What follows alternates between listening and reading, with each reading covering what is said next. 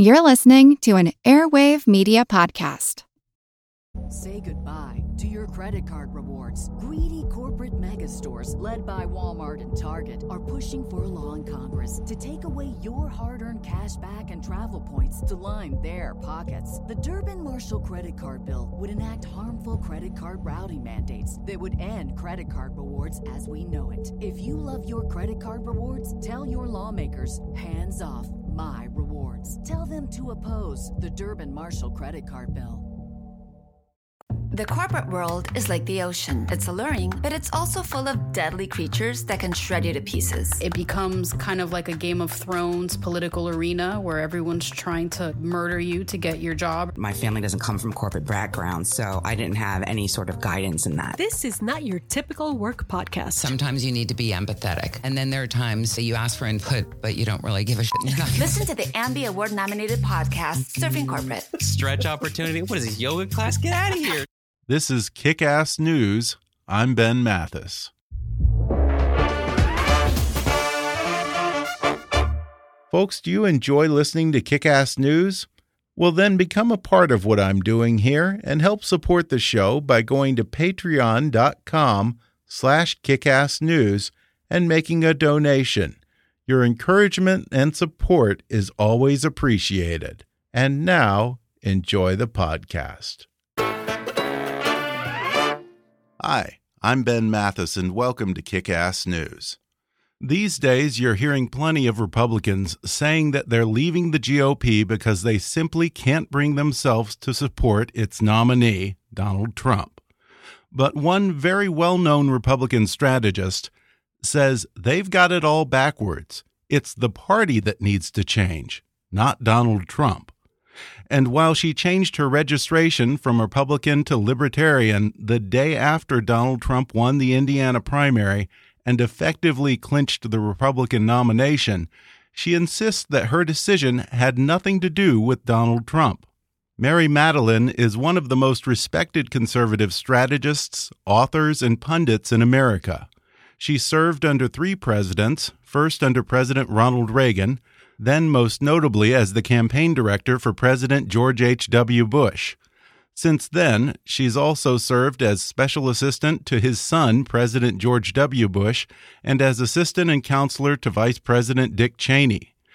She's been a frequent panelist on NBC's Meet the Press and was host of CNN's Crossfire. And together with her husband, Democrat strategist James Carville, she starred in the HBO dramatic series K Street.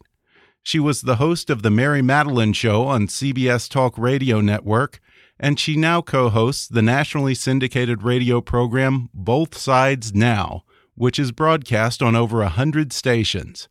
She's co authored two bestsellers with her husband, James Carville. The first was called All's Fair Love, War, and Running for President.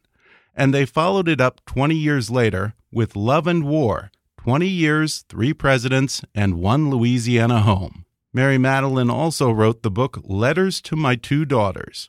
Today I'll talk with Mary Matalin about her decision to leave the Republican Party after 35 years and change her registration to Libertarian, and why, in spite of that, she says she's still leaning toward supporting Donald Trump for president. Now, in full disclosure, this interview was recorded before the Republican convention, so I'm not sure if Trump's latest controversial statements might have changed her leanings one way or another. But we'll discuss her motives for leaving the GOP, why she says it's been a long time coming, and why she's more inclined to vote for Donald Trump over the Libertarian candidate Gary Johnson. Plus, I'll ask how her friend and mentor George Bush Sr. and her husband, Democrat strategist James Carville, took the news of her exit from the GOP coming up with Mary Matalin in just a moment.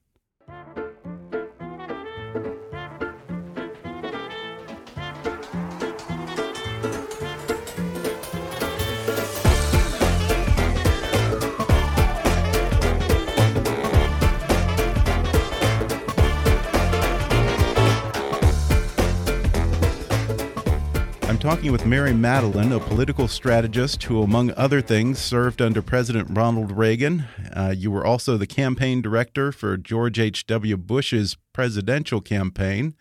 and you advised his son, President George W. Bush, and Vice President Cheney. Mary, thanks for joining me over the phone. Thank you for having me on, Ben, and congratulations on your success of getting conservatives to be able to express themselves, giving them form. Mary, these Republican credentials are about as strong as they come, and yet you're something of a unique case among the conservatives I'm talking to this week because back in May you left the GOP and you registered as a libertarian, but you've said that that had nothing to do with Donald Trump. So, what was that about for you? I always considered myself a person of philosophical convictions, not a party loyalist necessarily, except insofar as the party best represented those principles that I believe in when I joined it. I grew up a Democrat on the south side of Chicago and left the Democratic Party when it left me, which was when Ronald Reagan was elected. And at the time, the Republican Party really represented what now appear to be only represented by the libertarian philosophy, which is not to say that the current libertarian ticket uh, is one with which I agree. I, I don't agree with uh, Mr. Johnson when he says he agrees with Bernie Sanders 73% of the time, and on social and even on socialism when it's voluntary. There's no such thing as voluntary socialism. In the whole in the whole course of humankind, the only voluntary socialists were the apostles, and I don't think modern socialists in any way represent what Jesus represented to the apostles. So, so it really wasn't about Donald Trump.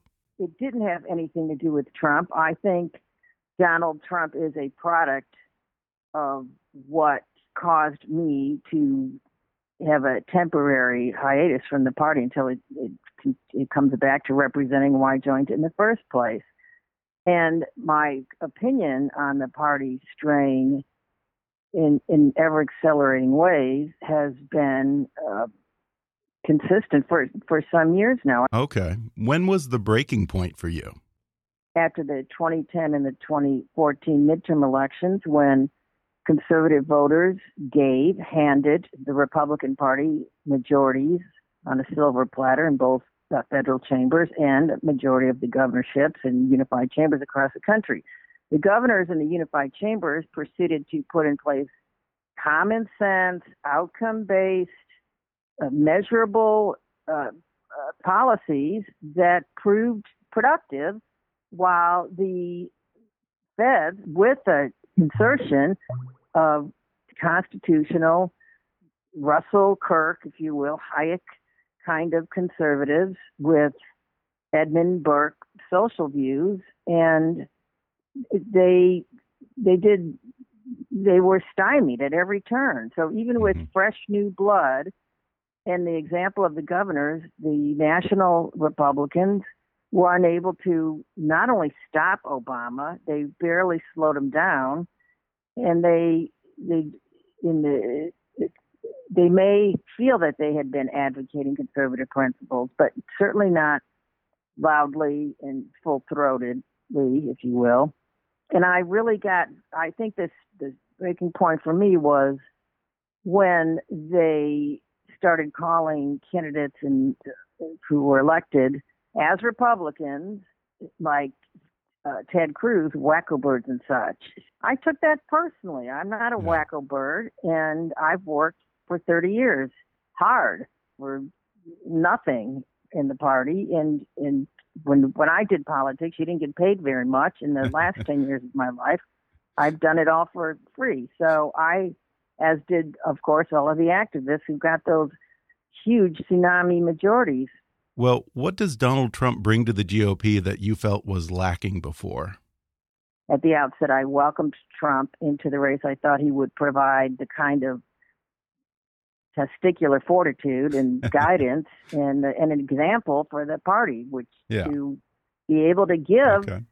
an understanding of the frustration and the anxiety and the anger of not just conservative Americans but all Americans, and also importantly in politics, what Donald Trump did and continues to do is resist the the absolutism of some elite, some beltway or mainstream media, whatever you want to call them, some cultural elite, the ruling party, uh, definition of what are the most critical issues. Guess what? I don't get up in the morning, Ben, and have a big fight about transgender bathrooms. and I don't get up in the morning and fight about guns.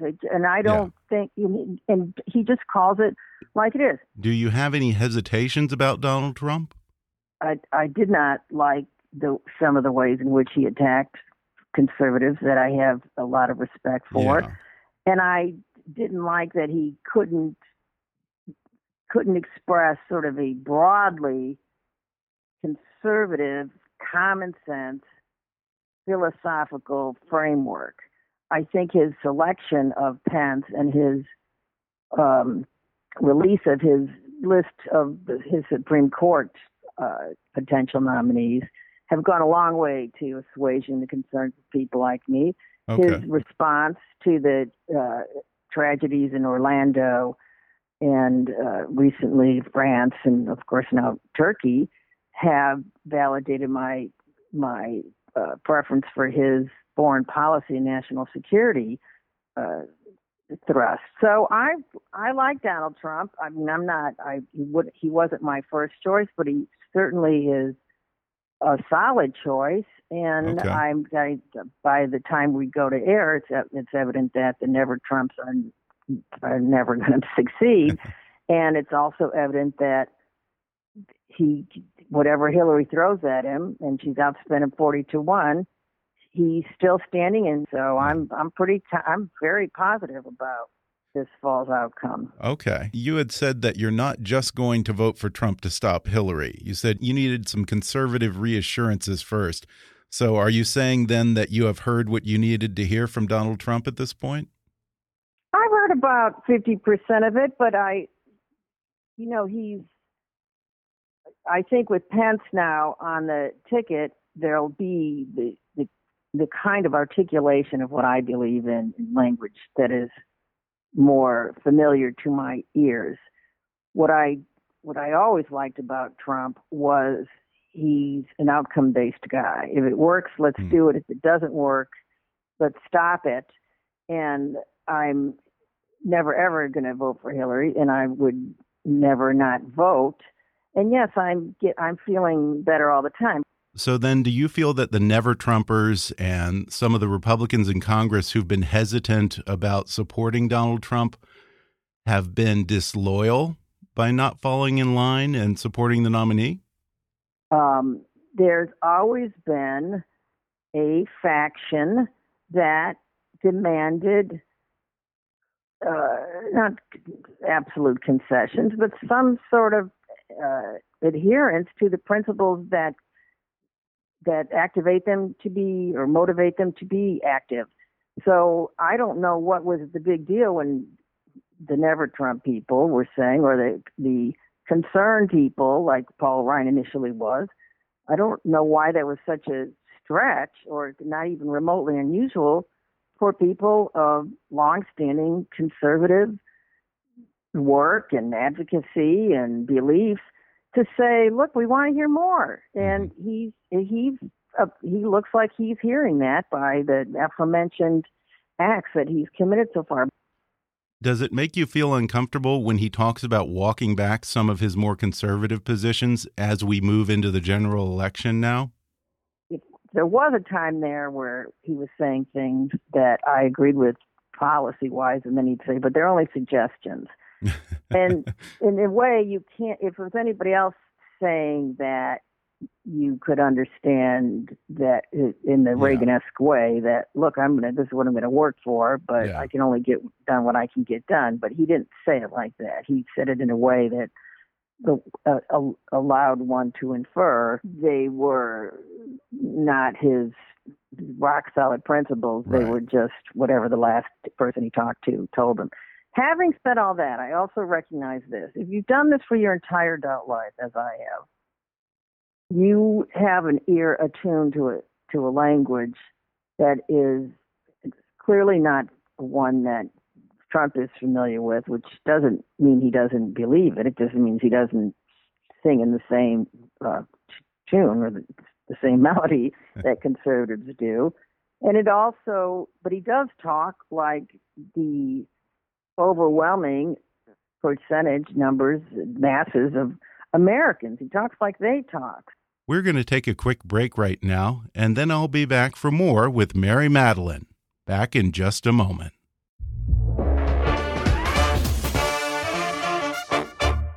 Hey, folks, do you like reading but find it's getting harder and harder to make time to curl up with a good book? Well, there's a solution. Give audiobooks a try. They're perfect for your commute to work or working out at the gym, a relaxing bath, or anytime, really. And right now, you can take an audiobook for a spin with a special promotion just for our listeners from audible.com. Just go to audibletrial.com slash kickassnews to get a free 30-day trial and download any of Audible's 180,000 titles entirely for free.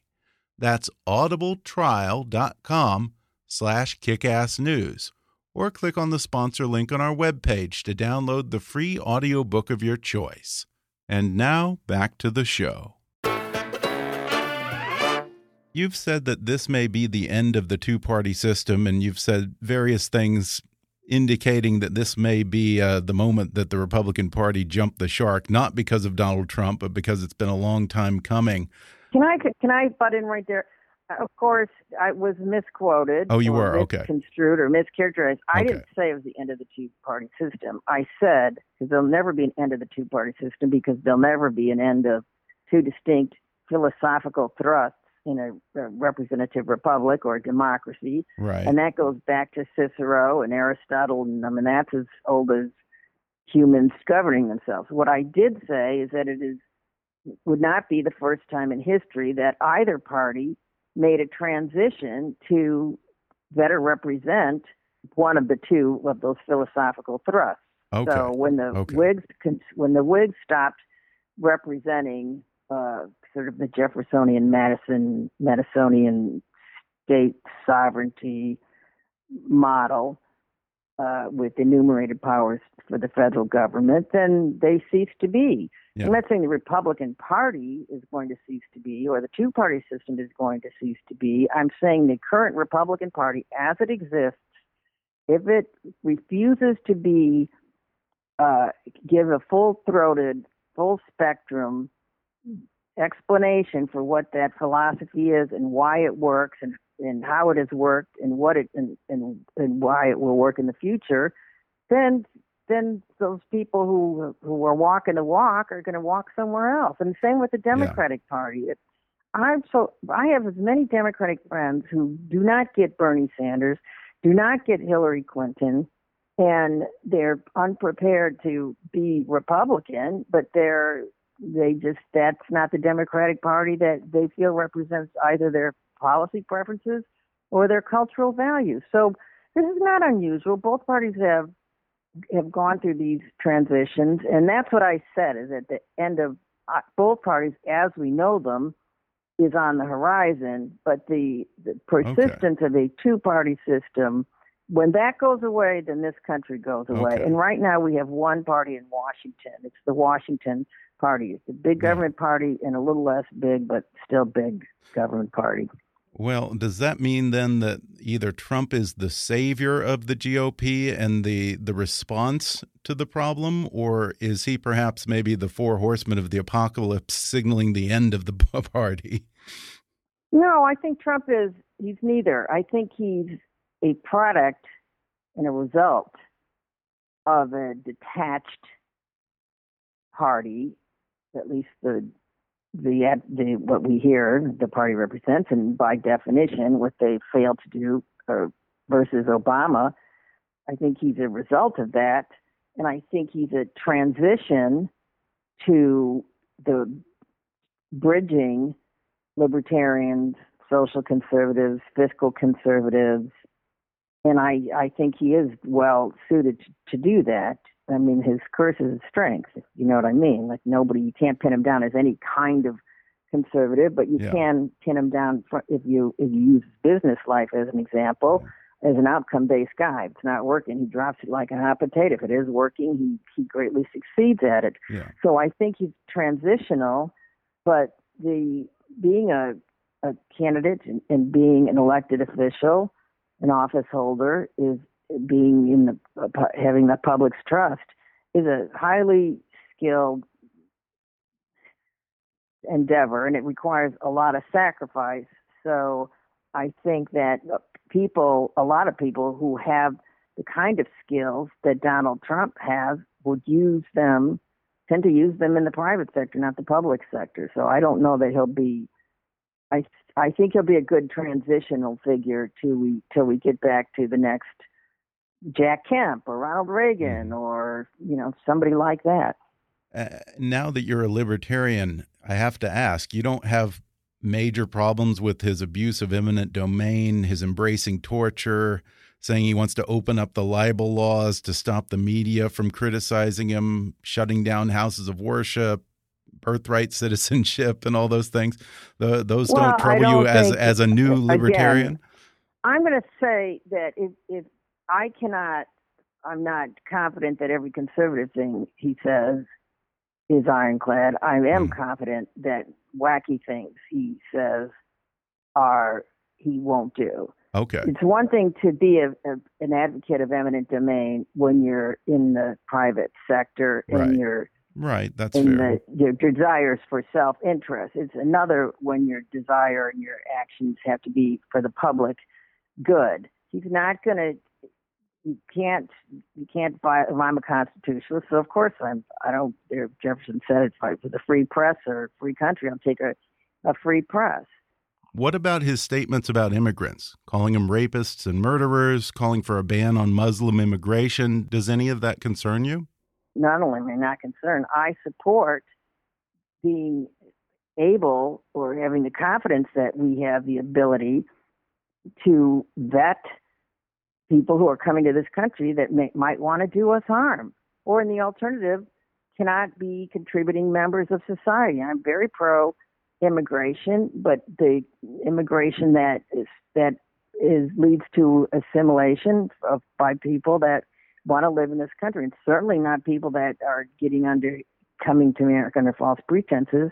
And I it I having worked in the 9/11 White House, post 9/11 White House, I understand the efficiency of these asymmetrical Islamic terrorists, this mm-hmm. asymmetrical warfare.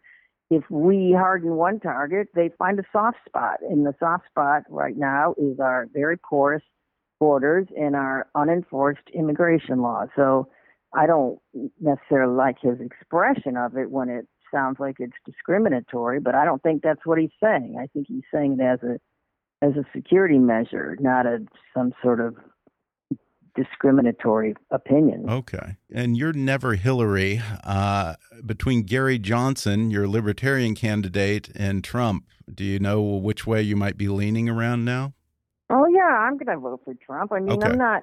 Yeah, I I like and respect both Governor Johnson and Governor Weld, but as I said, that ticket would be in agreement with Bernie Sanders 73% of the time, then they're going to be, I'm going to be opposed to them 73% of the time. The candidate that I liked who lost by a couple of votes was Austin Petersen, to, to, to my mind, represents a Milton Friedman, free market, Edmund Burke, a cultural Edmund Burke, practical Jeffersonian, Madisonian, and Hamiltonian, if you will, conservative. Okay, so traditional small government conservatism.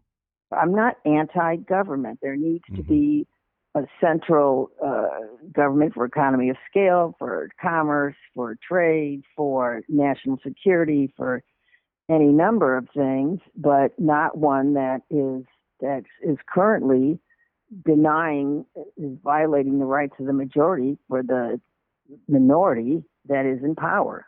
Well, before we go, you were the strategist, as I mentioned earlier, to President Bush 41, and you've remained close with the family. In fact, you're one of the very few non-family members who, who who's allowed to call him Poppy Bush.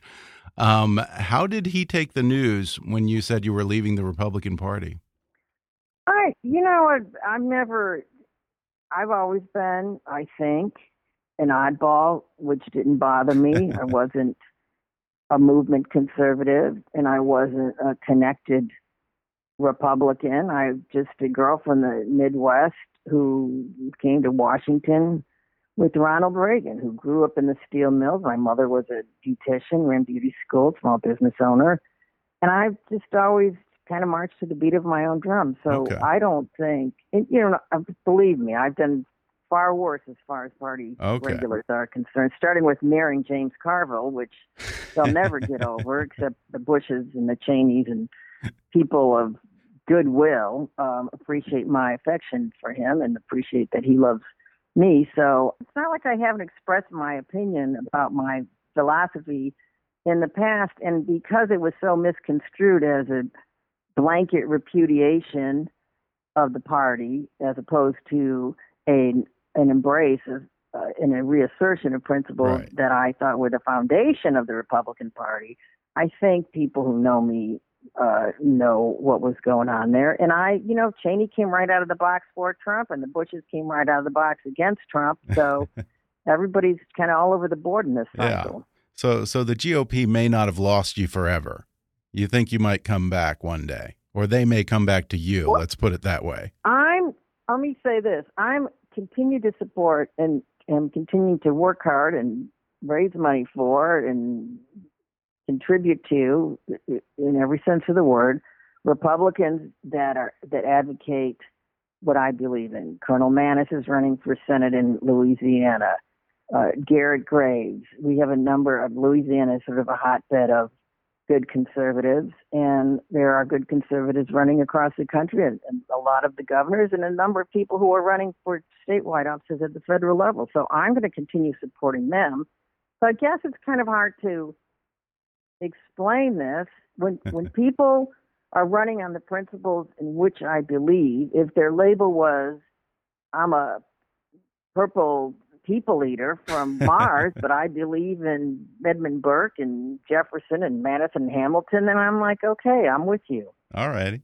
Well, I appreciate your talking to me. Before we wrap up here, I just have to ask when you changed your party registration, did your husband do a little happy dance or throw you a party when you changed to libertarian?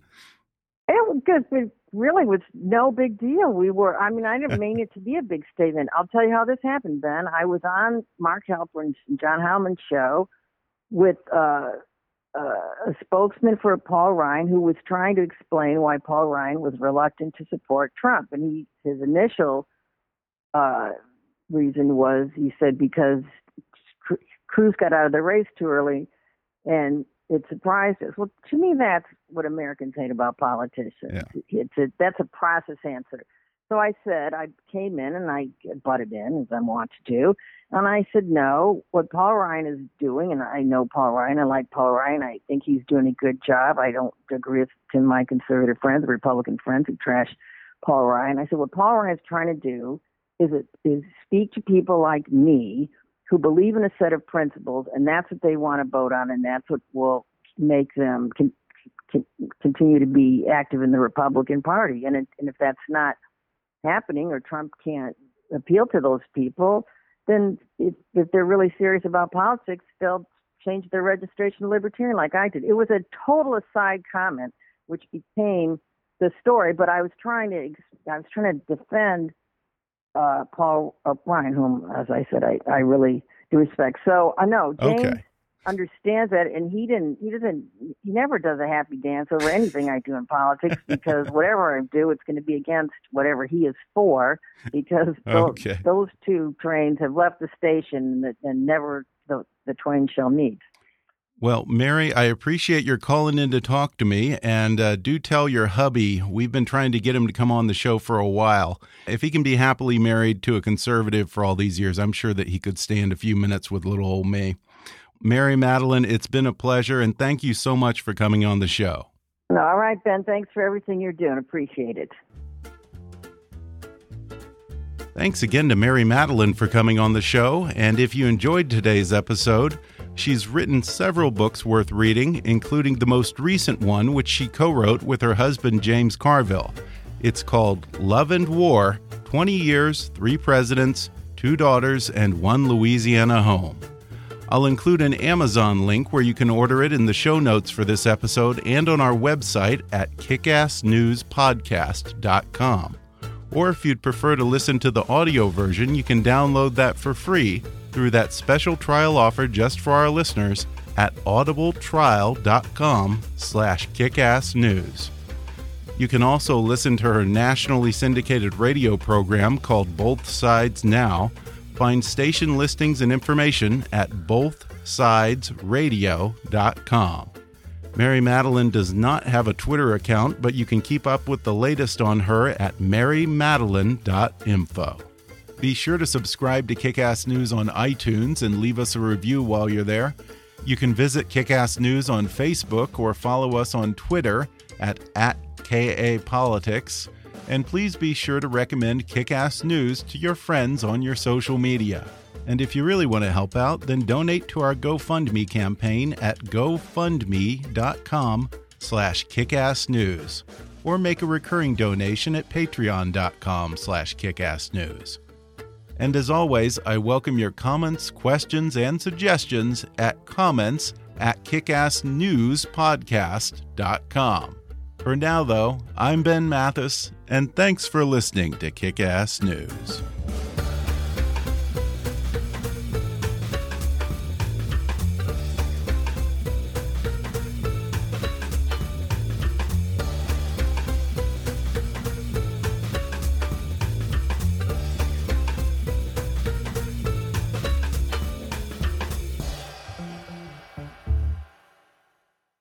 Kick Ass News is a trademark of Mathis Entertainment, Inc.